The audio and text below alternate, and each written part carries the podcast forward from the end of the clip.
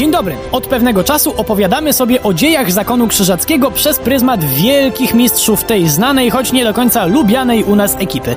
Do tej pory trochę nam się ci mistrzowie szlajali po świecie, jednak dziś przeniesiemy się do czasów, gdy na kawał czasu znaleźli wreszcie stałą siedzibę w Malborku. Jak wyglądało życie codzienne takiego mistrza? Jak niespodziewanie mogło się skończyć? Już o wszystkim opowiadam przy mikrofonie Wojtek Drewniak, zapraszam.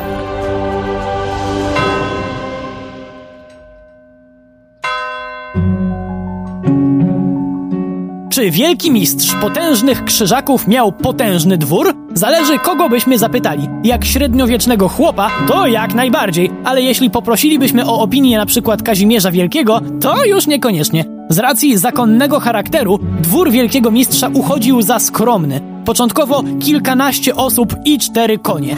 To znaczy nie dla tych wszystkich, tylko dla samego mistrza. A jak przychodziła wojna, to dostawał jeszcze dwa na wszelki wypadek. Z biegiem lat trochę się ta ekipa rozrosła i na przykład mistrz von Kniprode miał już na swoje usługi sokolników. Z kolei sławny Urlich von Jungingen miał w swojej ekipie prywatnego medyka, co akurat niekoniecznie wyszło mu na plus, bo według niektórych historyków ów lekarz, Bartłomiej z Boreszewa, był prawdopodobnie polskim szpiegiem.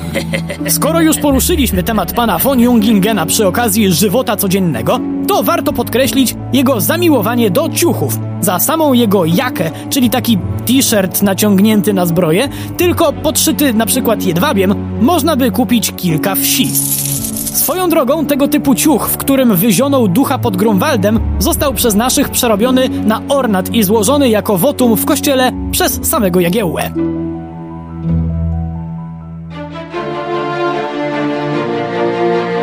Cofnijmy się jednak spod Grunwaldu do czasów, kiedy o załamaniu krzyżackiej potęgi nikt jeszcze nawet nie marzył. W roku 1309 do Malborka wprowadził się pierwszy wielki mistrz zakonu krzyżackiego. Pierwszy wielki mistrz rezydujący w Malborku nie dość, że był nieciekawy, to jeszcze miał strasznie trudne nazwisko, więc go sobie darujmy.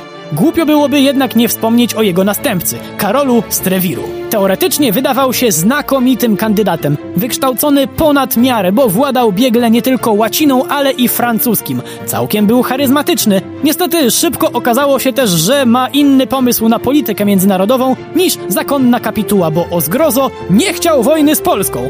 Jaka była reakcja kapituły? Oczywiście mistrza zwolniono. Ten niby się nie gniewał, ale opuszczając zamek, zabrał ze sobą insygnia władzy i nigdy już do Malborka nie wrócił. Duże nadzieje pokładano w następcy wybranym w 1324 roku i faktycznie Werner von Orlsen rozkręcił konflikt z Polską, ale nie dożył jego końca, bo zginął dziabnięty nożem przez jednego ze współbraci w samym Malborku, gdzie teoretycznie wielki mistrz miał być najbezpieczniejszy. Wojna trwała nadal, a w jej trakcie rozegrała się ważna bitwa pod Płowicami. Była ważna z wielu powodów, ale szczególnie mocno zapamiętał ją Dietrich von Altenburg. Wówczas dowódca tylnej straży, który podczas starcia z naszymi zarobił tęgi cios w twarz, a potem trafił do niewoli. Wolność co prawda odzyskał, ale blizna oszpeciła mu facjatę do końca życia, a patrzenia w lustro nie osładzał nawet fakt, że od 1335 roku spoglądał w niejako a jakże wielki mistrz krzyżacki.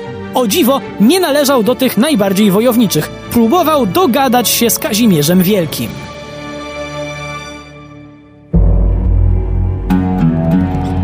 Nie każdy wielki mistrz był w stanie udźwignąć gigantyczną presję polityczną. Dobrym przykładem niech tutaj będzie Ludolf König. Po wyprawie przeciwko Litwie w 1344 roku, co chwilę krytykowany przez współbraci, zaczął tracić zmysły. Potrafił siedzieć kompletnie wyłączony, a potem nagle wpadać w choleryczny gniew. Kapituła odwołała go z funkcji i odesłała do małej konturii pod Grudziądz. Jednak to w innym miejscu z czasem powstał dom spokojnej starości dla niezdolnych do pełnienia swojej funkcji wielkich mistrzów. Takie miano miał od 1351 roku zamek w Bratianie. To jest na południowym wschodzie województwa warmińsko-mazurskiego, jeśli ktoś chciałby dociekać. Opowieści o wielkich mistrzach krzyżackich absolutnie nie może zabraknąć Konrada von Wallenrode, który jak wiadomo był litewskim agentem na najważniejszym krzyżackim stanowisku, prawda? Nie. Absolutnie nie, to jest fikcja Adama Mickiewicza, która tyle ma wspólnego z prawdą, co ja ze skakaniem wzwyż. Patrząc na CV mistrza Konrada, to w sumie ciężko sobie wyobrazić, jak ten człowiek mógłby działać na korzyść Litwy. Okej, okay, może jego wyprawy były w większości nieudane, ale nie zmienia to faktu, że z uporem maniaka organizował je rok w rok i robił co się dało, żeby zniszczyć Unię Polski i Litwy.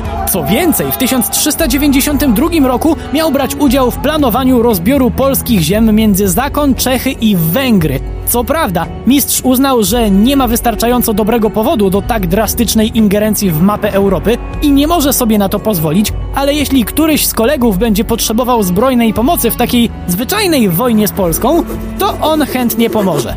Mistrz Konrad zmarł w czasie, a jakże, przygotowań do kolejnej wyprawy wojennej, a kiedy opuszczał ziemię w 1393 roku, od dłuższego już czasu w szeregach zakonu było dwóch braci, Konrad i Ulrich. Jednak o tym, co różniło braci von Jungingenów, opowiem już w kolejnym naszym spotkaniu. Przy mikrofonie był Wojtek Drewniak. Do usłyszenia.